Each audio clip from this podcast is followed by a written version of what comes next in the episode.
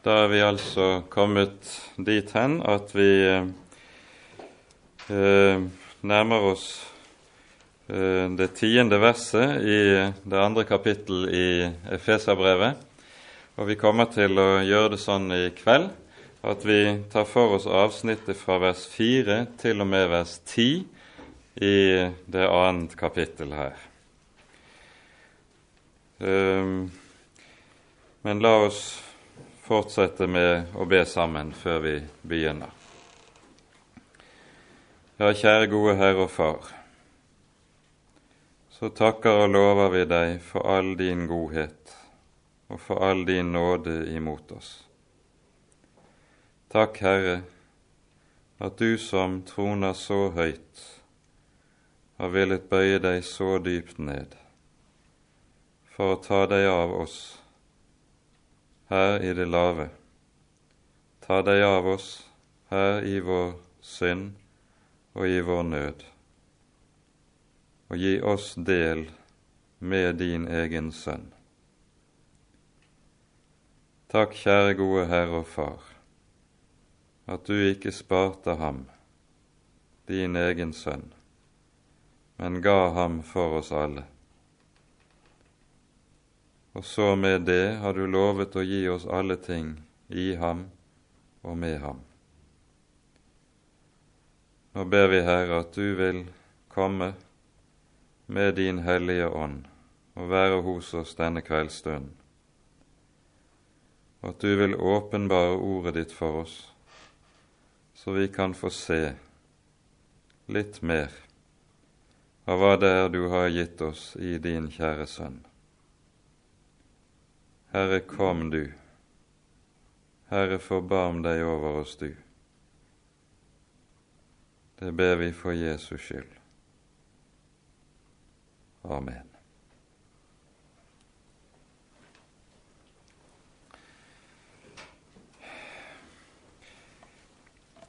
Det er slik her i åpningen av Efeserbrevet at det har en, brevet har en tråd som kanskje ikke alltid er like lett å få øye på, men som likevel går der. Brevet begynner i det første kapittel med å tale om det som eh, det temaet vi hører anslås i vers 3, hvorledes Faderen har gitt oss all åndelig velsignelse i himmelen i Kristus. Og så utlegges dette nærmere i det første kapitlet, hva det vil si dette, at Han har velsignet oss så uendelig rikt i sin Sønn. Dernest, når vi så kommer til kapittel to, så males liksom i de ti første versene en veldig motsetning for oss.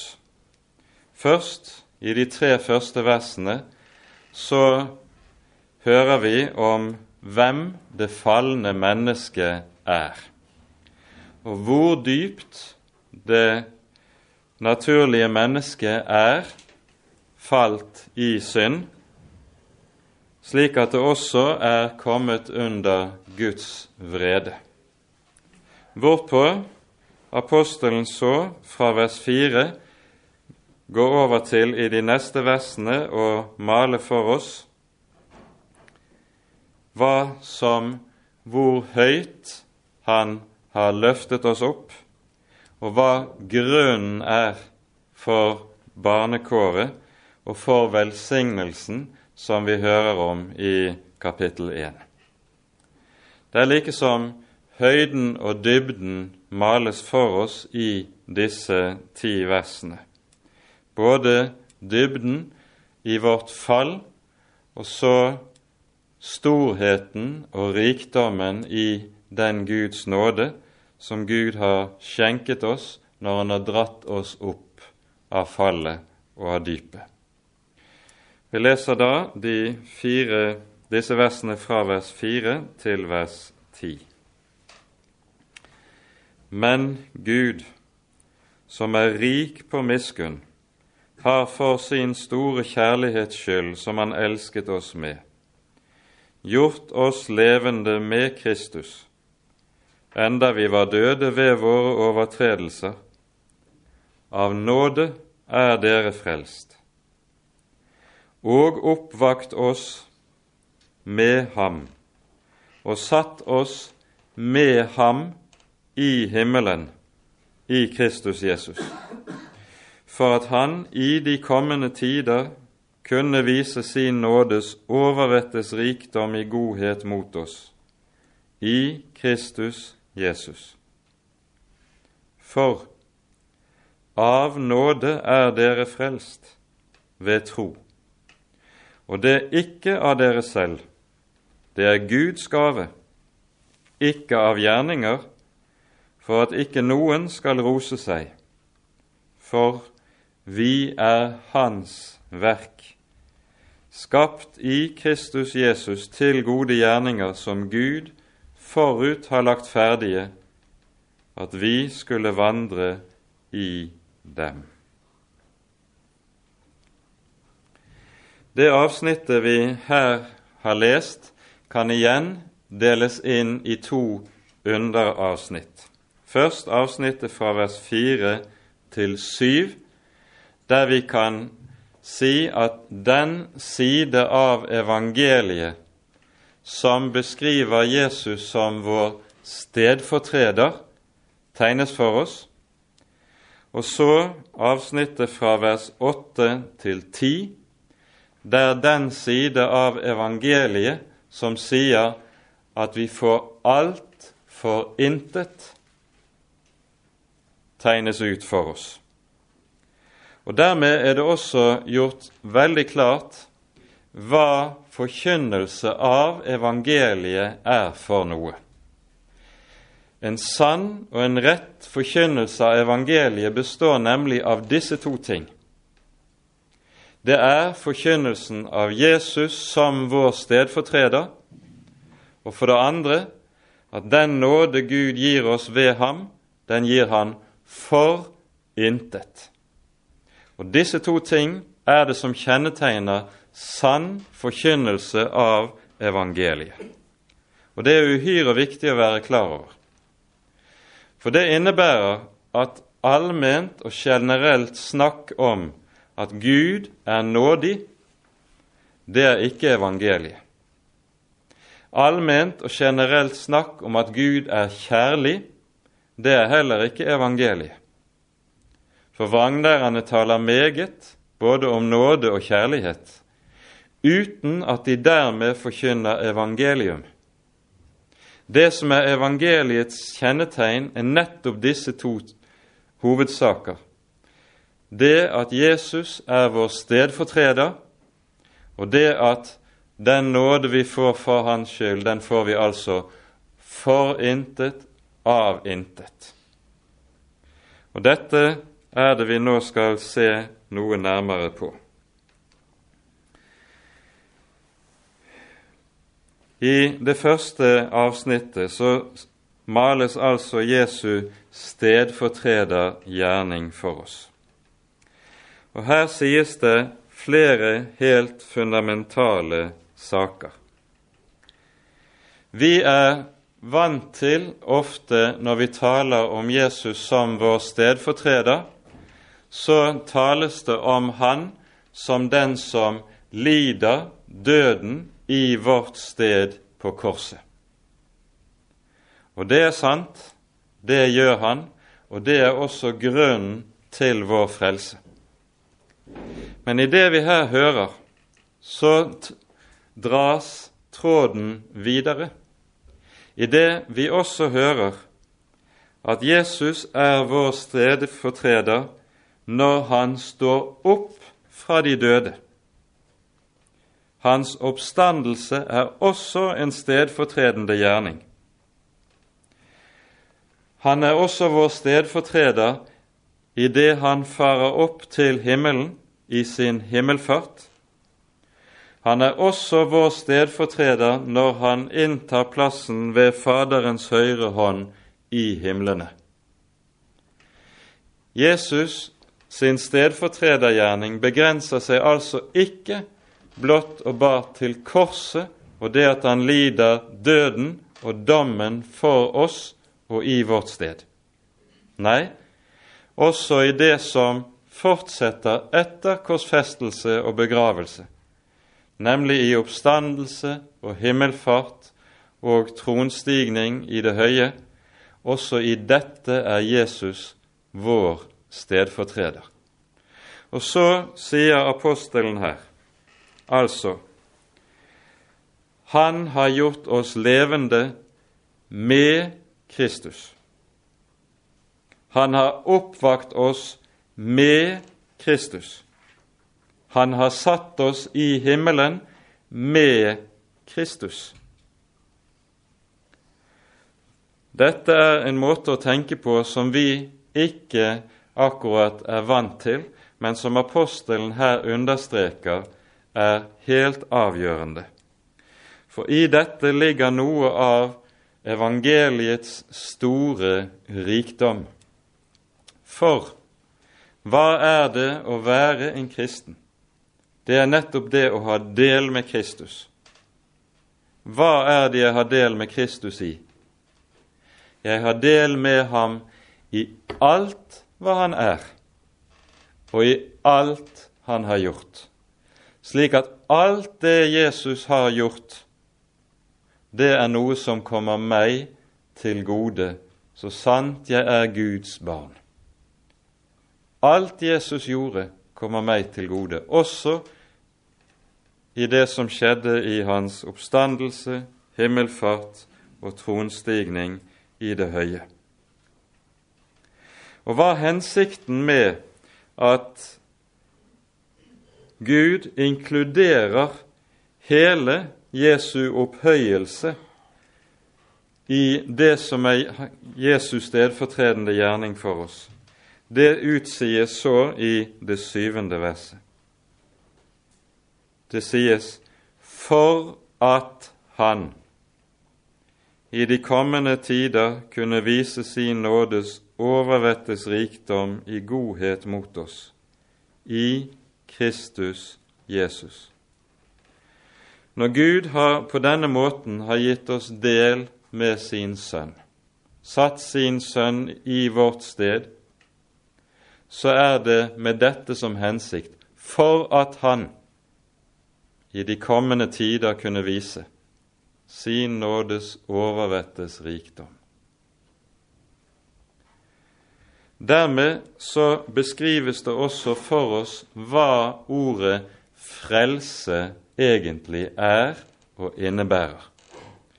Av nåde er dere frelst, hørte vi to ganger i denne teksten. Hva er ordet frelse? Slik dette ordet brukes, betyr det umiddelbart det at en berger livet fra dødsfare, berger livet fra fortapelse når en er i en aldeles håpløs situasjon, og så blir berget ut av denne da blir en frelst. Det er den bokstavelige, umiddelbare betydning. Men slik ordet ellers brukes i Bibelen, så betyr det også noe langt mer. Det sier ikke bare hva jeg er reddet fra, nemlig fra døden, fra synden, fra Guds dom og fra Guds vrede. Ordet frelse beskriver også hva jeg er frelst til. Fordi med dette ordet så lærer Skriften oss at frelsen innebærer at ikke bare blir syndefallet gjort til intet i frelsens gjerning, men også alle syndefallets følger og konsekvenser. Det gjøres til intet i frelsen. Slik at når dagen kommer, som vi hører det pekes frem imot her, for at han i de kommende tider så skal det til slutt også skje at de ordene som lød på syndefallets dag, fordi du gjorde dette, skal jorden være forbannet for din skyld. Da byttes denne forbannelse bort med velsignelse. De ordene som lød på syndefallets dag, av jorden er du kommet, til jorden skal du bli.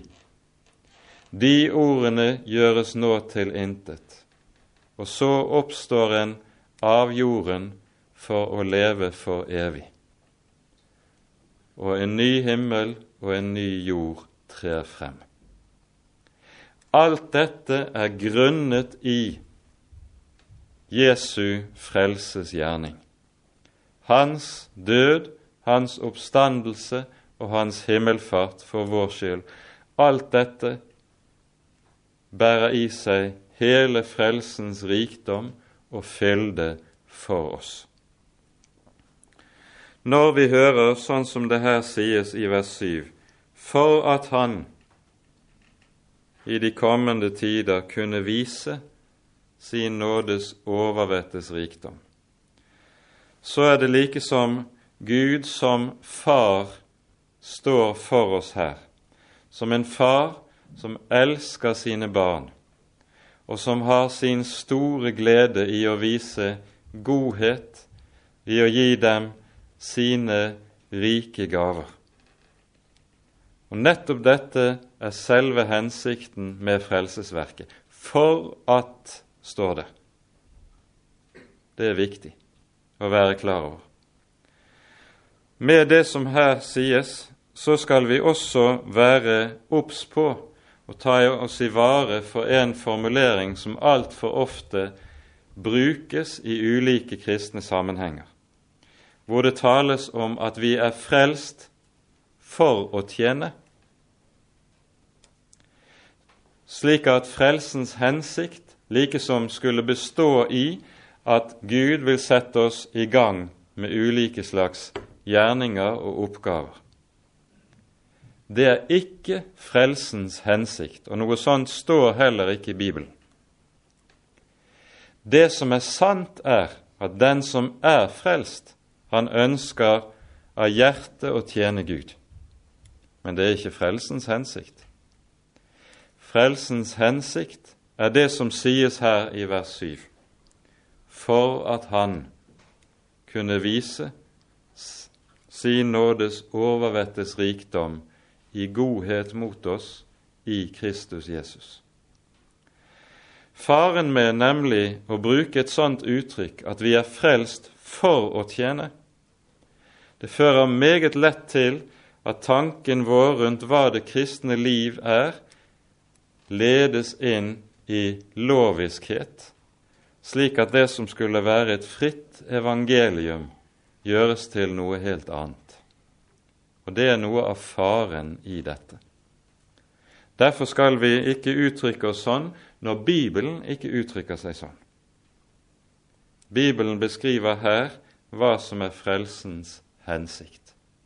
Det er at Gud kan overøse oss med sin velsignelses rikdom. Når apostelen her sier, som vi hører, at Han har gjort oss levende med, oppvakt oss med, satt oss i himmelen med Kristus. Så kunne vi spørre når er det Gud gjør dette? Når er det dette skjer? Det svarer ikke Paulus på i denne sammenheng. Han kommer inn på det noe senere i Efeserbrevet, men det tales mer utførlig om akkurat den sak i Romerbrevets sjette kapittel. Og vi tar oss tid til å lese noen vers derfra.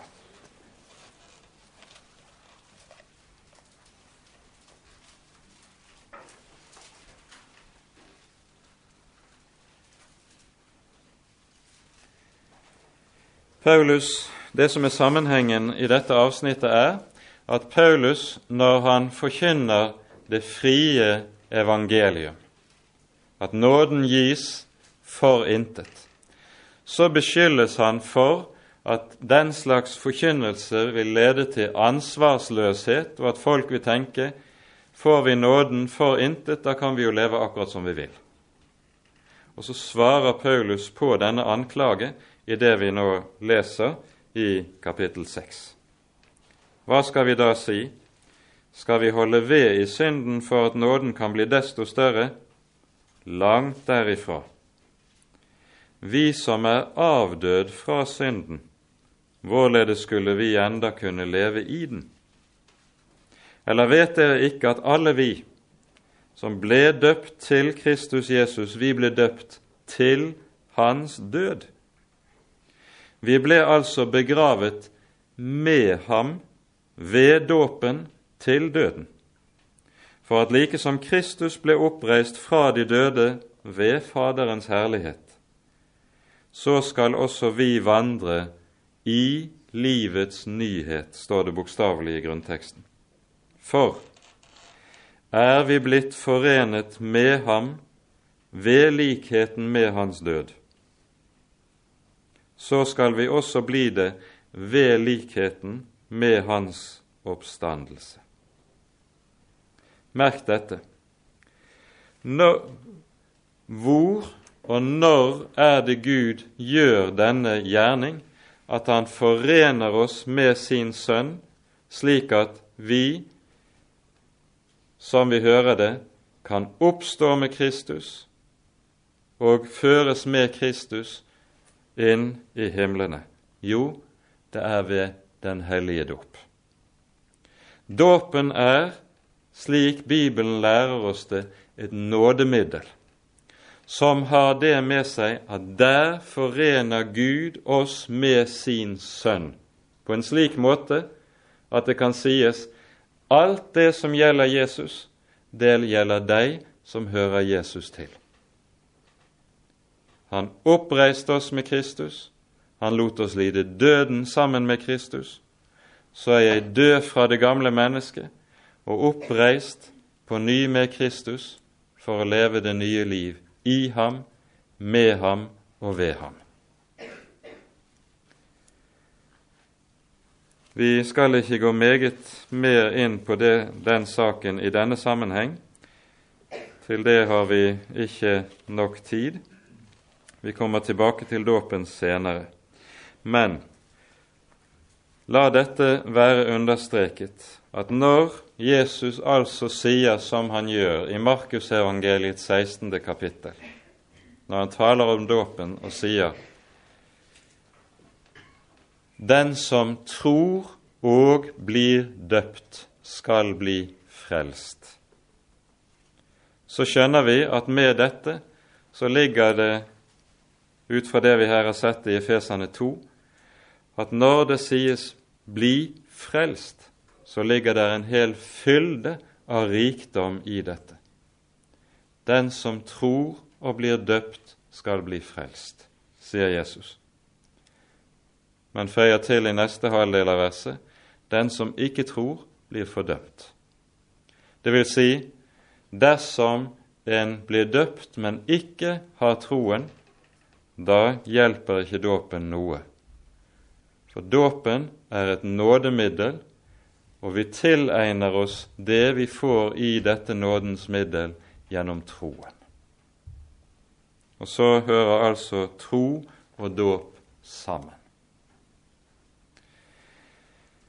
Nå har Paulus da pekt på hvorledes Jesus er vår stedfortreder, og at vi blir forenet med ham i den gjerning han har gjort. Og så går apostelen over til, i de neste versene fra vers 8, å beskrive dette for intet, hva som ligger i det. For av nåde er dere frelst, ved tro. Det er ikke av dere selv, det er Guds gave, ikke av gjerninger, for at ikke noen skal rose seg. Det vi her hører, det er at Paulus setter ord på det som alltid volder det gamle eller det naturlige mennesket anstøt, nemlig nådens for intet. Poenget med dette nådens for intet, det er jo at Gud med dette utelukker, og utelukker absolutt, all vår medvirkning i frelsen. Uansett hvordan denne medvirkning måtte være, det er utelukket. Og Nettopp derfor er det også det gamle mennesket tar anstøt av frelsen, dette budskapet om for intet. Fordi det gamle, er det noe det gamle mennesket ikke kan tåle, så er det nettopp det å bli satt utenfor. Og det sies det du gjør, det du er, det du kan yte, gjelder overhodet ikke i det hele tatt. Det er kun én sak som gjelder i Guds øyne, og det er det en annen har gjort, det Kristus har gjort. Og Derfor er alt ditt satt ut av kraft. Av nåde er dere frelst ved tro. Det er ikke av dere selv, ikke av gjerninger, sies det. Det er liksom Paulus må gjenta for riktig å understreke hva som ligger i dette. I motsetning til dette har vi i Kirkens historie stadig støtt på og møtt det som gjerne kalles for synergismens fare. Ordet synergisme det er et ord som det kommer av gresk synd, som betyr sammen med, og ergisme, som er gein, å gjøre. Det vil si synergisme det betyr at jeg gjør noe sammen med Gud, altså medvirker med Gud. Synergisme betyr i teologien det at jeg samvirker med Gud i frelsen. Og Dette er en lære som på ny og på ny har dukket opp i frelseshistorien, og som vi stadig møter også til i forkynnelsen i våre dager, nemlig at vi på en eller annen måte er inne i bildet når det handler om det å bli et frelst menneske.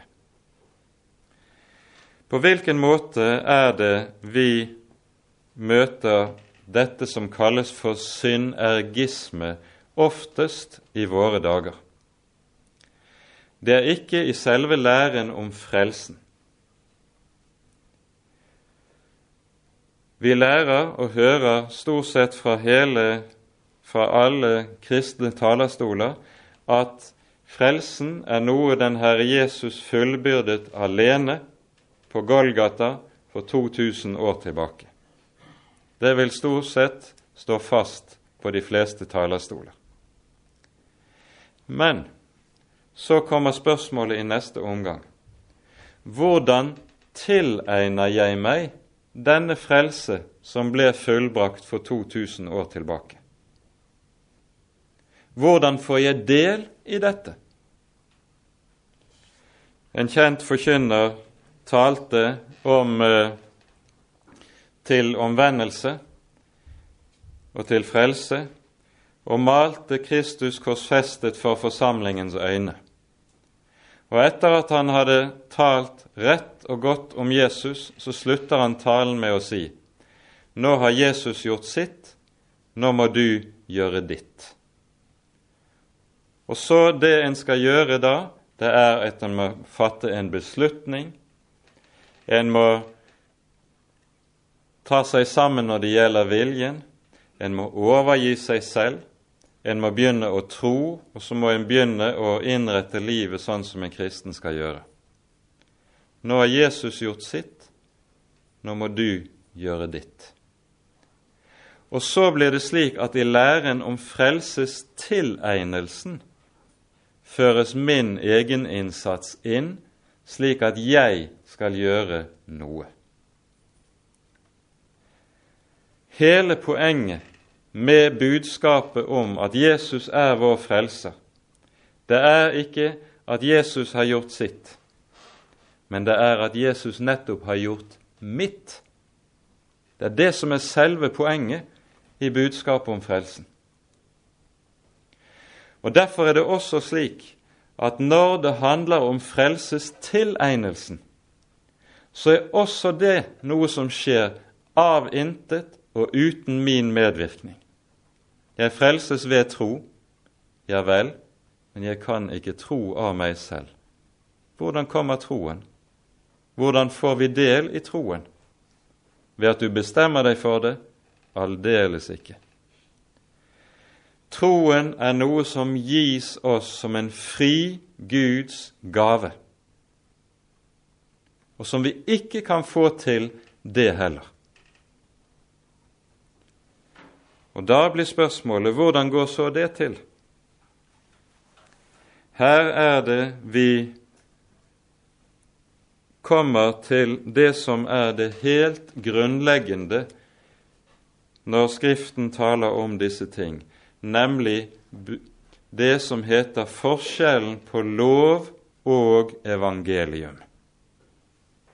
Saken er nemlig den at i Guds ord så taler Gud til oss på to måter. Han taler til oss i sin hellige lov, og han taler til oss i sitt dyre evangelium. Og Nå er poenget det at disse to ord er to vidt forskjellige ord som støter imot hverandre og også gjensidig utelukker hverandre. Hva er det som kjennetegner loven? Loven er kjennetegnet ved at den peker på deg og på meg og sier 'du skal' og 'du skal ikke'. Så regner den opp hva som er godt og som er rett, og som er hva som er Gud velbehagelig, og som vi skal gjøre eller la være å gjøre. Loven peker hele tiden på meg og sier 'du skal'.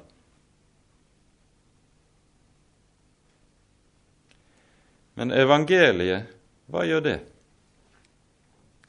Peker det på meg og sier 'du skal'? Nei, det gjør det ikke. Det peker på en annen person, nemlig Herren Jesus, og sier 'Han har gjort'. Han har fullbyrdet. Og det han har gjort, det gjelder i ditt sted. Og nå er poenget at der dette evangelium lyder, der virker det tro. Der skaper det det nye livet. Det er ikke sånn at du kan tro av deg selv, men tvert om, der evangeliet lyder, der skapes og virkes troen, så å si, av seg selv i ditt hjerte. Derfor står det også i Romerbrevet i det tiende kapittel troen kommer av hørelsen. Ved å høre budskapet i evangeliet, så skapes troen. Derfor er det også slik at overalt hvor en setter betingelser for det å være en kristen, og sier 'dersom du bare gjør slik og slik', dersom du, så taler en lov. For evangeliet sier aldri 'du skal'. Evangeliet sier alltid 'Jesus har gjort'. Evangeliet sier aldri 'du skal'.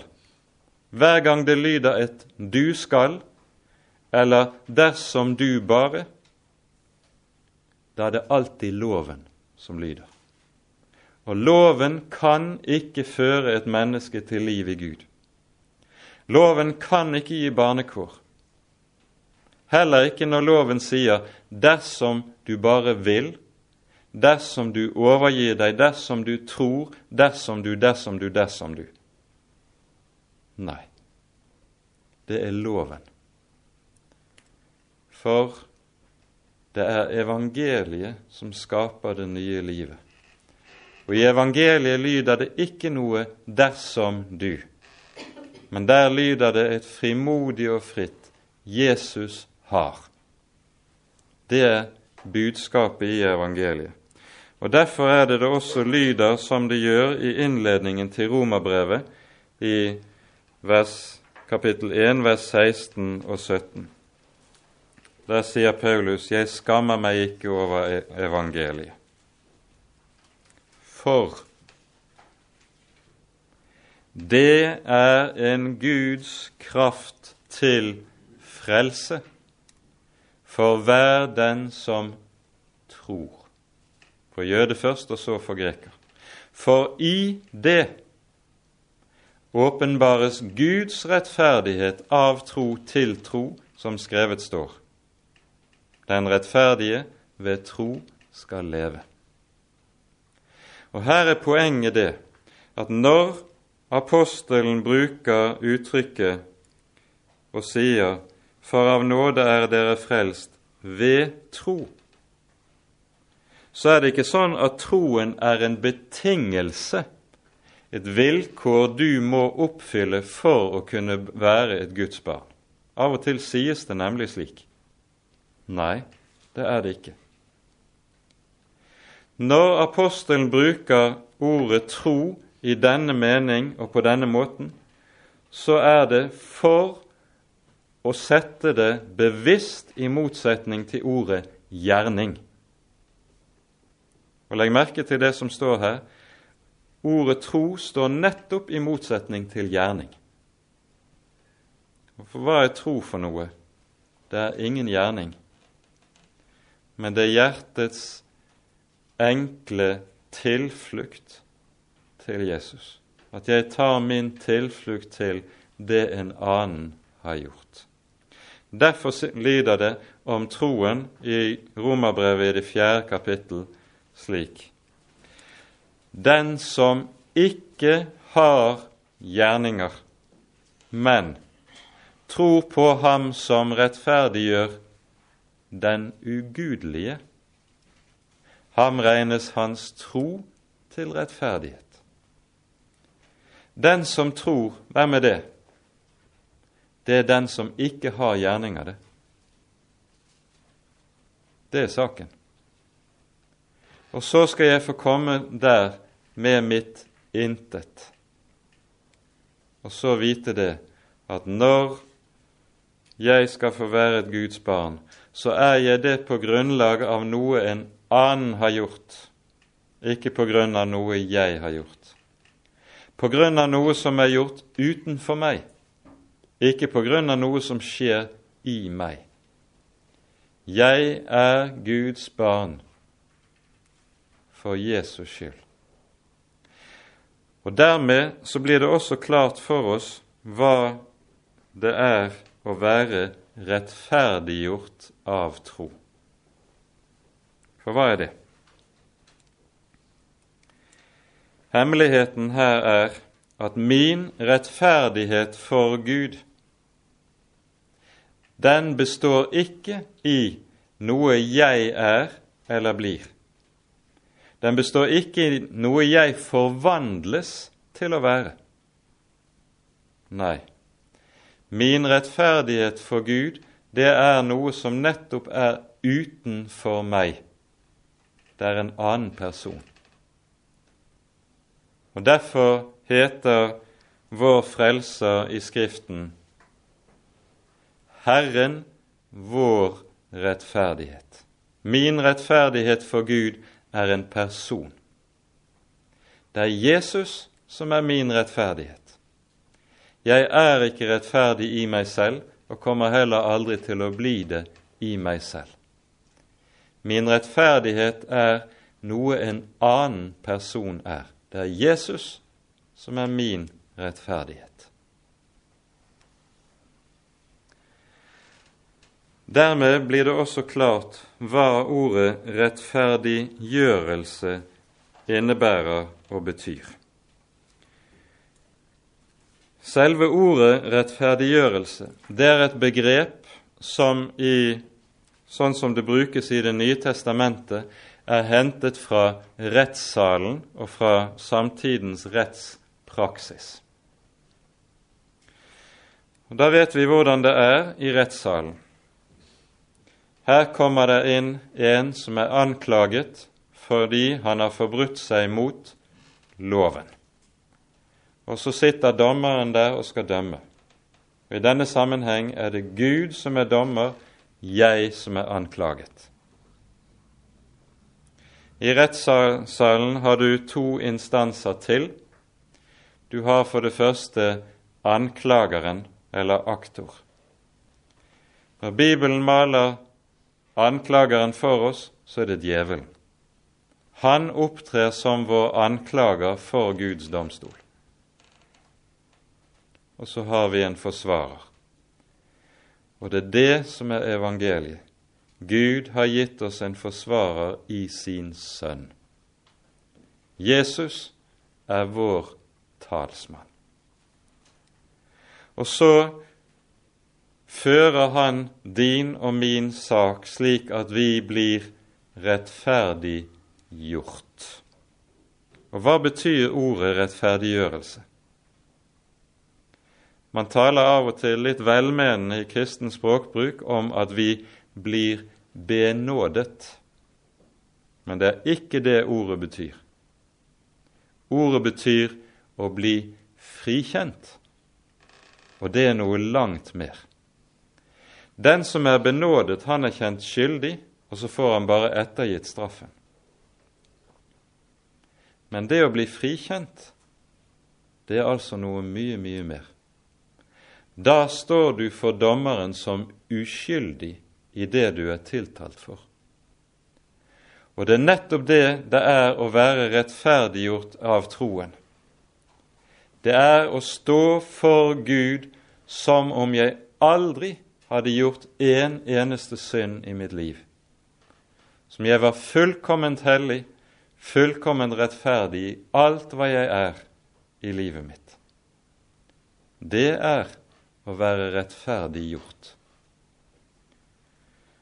Dette uttrykkes for oss slik som vi hører det i Kolossabrevet i det første kapittel.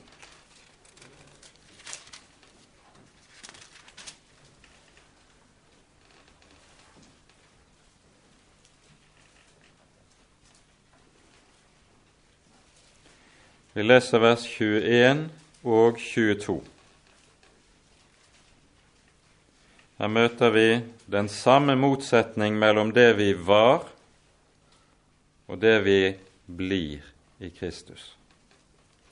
Også dere som fordum var fremmede og fiender ved deres sinnelag i de onde gjerninger.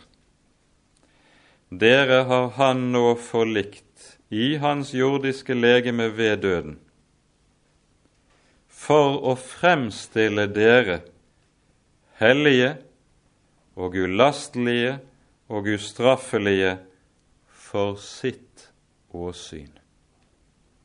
Merk det. Her blir du altså, når du blir rettferdiggjort av tro, så blir du stående for Gud som hellig, ikke i egne øyne. Det er ikke det som står. Nei, det står hellig for Guds ansikt. Tenk det ulastelig, dvs. Si, Gud har ikke noe å utsette på deg. Han finner ikke én lyte. Det er ingenting i ditt liv som Gud har noe å bemerke på. Og ustraffelig, som betyr det er ingenting han heller har å straffe deg for.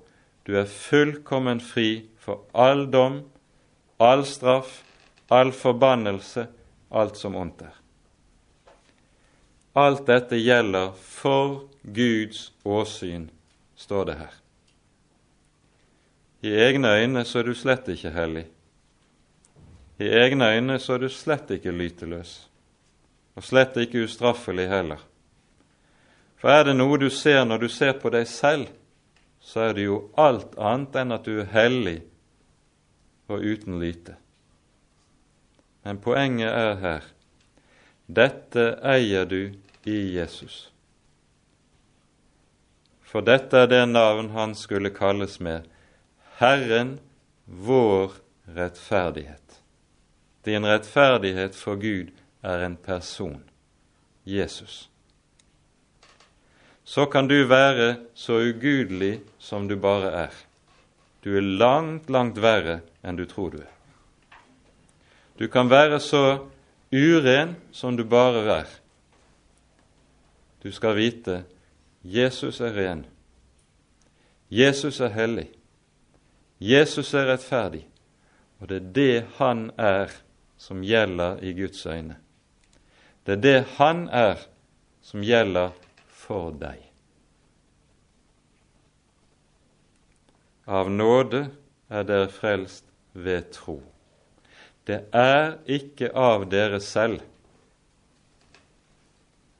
for at ingen skal rose seg, står det. Det som er poenget med evangeliet, er at i evangeliet så beholder Gud sin ære. I det det er Han som gjør alle ting, begynnelsen, midten og enden. Alle ting er av ham, ved ham og til ham. Intet er av deg eller meg. Derfor er vår ros utelukket. Og så blir det slik at evangeliet nettopp blir en oppfyllelse av det vi hører sies hos profeten Jesaja i det 42. kapittel, når profeten først har malt Messias gjerning blant folkeslagene for uh, våre øyne, så sies det slik i vers 8.: Jeg er Herren, det er mitt navn, og jeg gir ikke noen annen min ære, eller de utskårne bilder min pris. Han er alene om æren, fordi han også er den som har gjort alt. Samme sak understrekes også for oss hos profeten Esekiel i det 36. kapittel, også her i den sammenheng hvor det tales om frelsen som fullbyrdes når Messias kommer.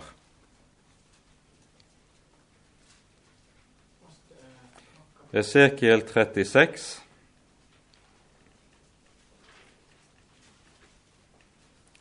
Og vi kan først lese fra vers 21 til 23.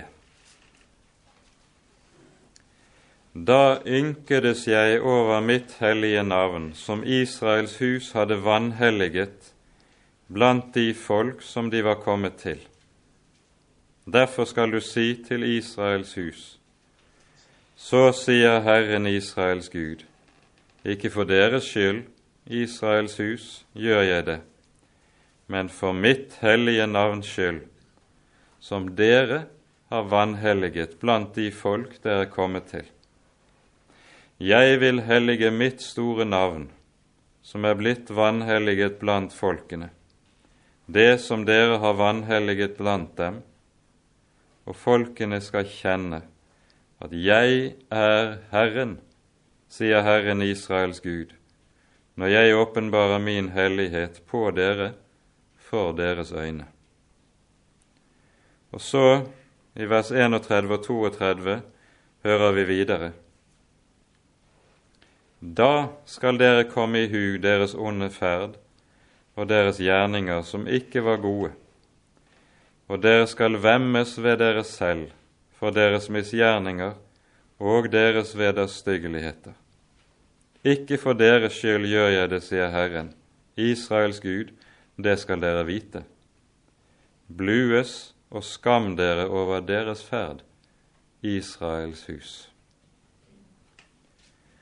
Alt er grunnet i hva Han har gjort, intet i hva vi har eller kan fare med. I parentes bemerket så er de ordene vi her har lest, det som utgjør bakgrunnen for den første bønnen i Fader vår. Helliget vorde ditt navn.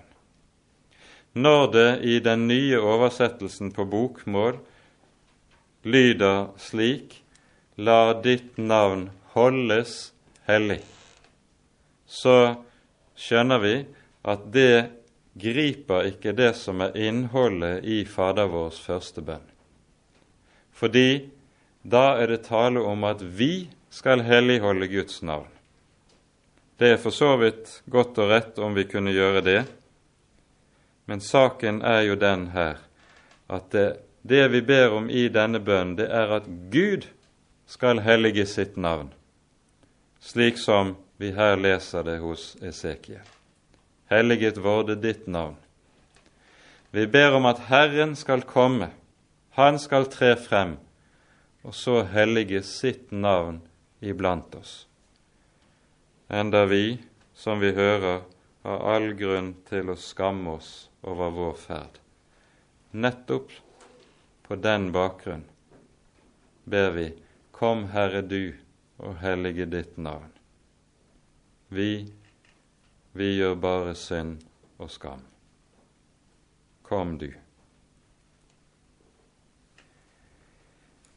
Slik er det altså at Skriften gir oss evangeliet. Det er et budskap om noe som Gud har gjort i sin Sønn, og som ligger fullkomment ferdig i ham og rekkes oss for intet. Og vi får del i det ene og alene ved å høre, ikke ved å gjøre. Alene ved å høre. Det er ved sitt ord Gud gjør sin gjerning, skaper troen og alt annet godt i våre liv. Det er jo derfor Luther sier som han gjør i forklaringen i Lille katekisme. Jeg, eller vi, tror at vi ikke av egen fornuft eller kraft kan tro på den Herre Jesus eller komme til ham. Men Den hellige ånd har kalt meg ved evangeliet. Det er ved dette ord Gud gjør sin gjerning, for evangeliet er Guds kraft til frelse. Derfor er det å høre i Guds rike sammenheng aldri noe som er passivt. For dersom og så sant Guds ord virkelig lyder og forkynnes rett, så er det slik at der dette ord lyder, der handler Gud. Der er Gud på ferde og i virksomhet og utfører sine gjerninger. Og Derfor skal vi aldri tale nedsettende om hørelsen. Tvert om, det er når evangeliet lyder, da er Gud på ferde. Og så skal vi be om, Herre, la nettopp det få skje imellom oss. At ditt ord åpenbares og lyder klart og rent, for da kommer Herren.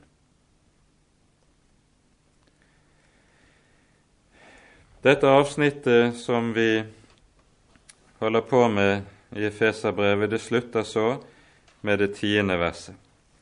For vi er Hans verk, skapt i Kristus Jesus til gode gjerninger, som Gud forut har lagt ferdige, at vi skulle vandre i dem. Nå kan det synes som at det vi her leser, det taler imot det vi var inne på tidligere i bibeltimen, at når vi sa at uttrykket 'frelst for å tjene' ikke griper den bibelske tanke og budskap rett. Men hvis vi nå ser litt nærmere på dette verset, så skal vi være, være klar over en hovedsak her. Og Det får vi øye på når vi stiller spørsmålet gode gjerninger, som apostelen omtaler her. Hvem er det som er subjekt for disse gode gjerninger? Er det du og jeg, eller er det Gud? Her er det veldig ofte slik at dette blir utlagt på en slik måte som gjør at vi forstår det som om det var du og jeg som skulle gjøre disse gode gjerninger, som rett nok er lagt ferdig på forhånd av Gud. Det er et stort spørsmål om ikke det heller er slik at det er Gud som er subjekt i denne sammenheng, slik at vi skal vandre i gode gjerninger som Gud gjør for oss, og så består livet i å vandre i det Gud gjør. Dette så meget mer som vi leser dette på bakgrunn av det vi hører i det syvende verset. For hva var det som var hensikten med at Gud har gitt oss alt dette i Kristus? Forenet oss med sin Sønn, slik vi har hørt det. Hensikten var, hørte vi, for at Han i de kommende tider kunne vise sin nådes overvettes rikdom i godhet mot oss i Kristus Jesus. Og så består det å være en kristen i å vandre gjennom livet og vite det at Gud har gjort ferdig noe godt for meg som ligger foran. I alt hva jeg opplever, i alt hva jeg skal vandre igjennom her i livet, så skal jeg få lov til å vandre i vissheten om dette er Herrens gode gjerning for meg. Israel er her i den gamle pakts tid et forbilde for oss på denne måte. Vi hører i forbindelse med inngangen i det lovede land at det sies slik i femte Mosebok i det sjette kapittelet.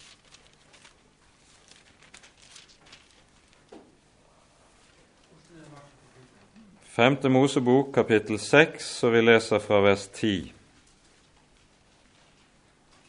Når Herren din Gud fører deg inn i det land Han har tilsvoret dine fedre, Abraham, Isak og Jakob, og ville gi deg, store og gode byer som du ikke har bygget, hus fulle av alle gode ting, som du ikke har fylt, uthogne brønner som du ikke har uthogget, vingårder og oljetrær som du ikke har plantet, osv.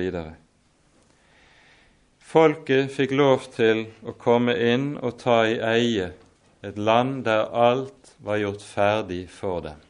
Og så gikk de liksom inn og tok i eie alt. Alt var gjort ferdig. Og nettopp slik er det med evangeliet. Dette er et forbilde på det vi her er inne i. Det å være et Guds barn, det er nettopp å vandre inn i det som er gjort ferdig på forhånd. Og så få lov til med det å eie hvilen i evangeliet. For her er saken den at bare den som har fått lov til å hvile i evangeliet, kan senere også vandre rett i det som Skriften kaller tjeneste. For Skriften taler også om at vi skal tjene. Skriften taler også om at vi skal vandre med Herren og øve rettferdighet i livet.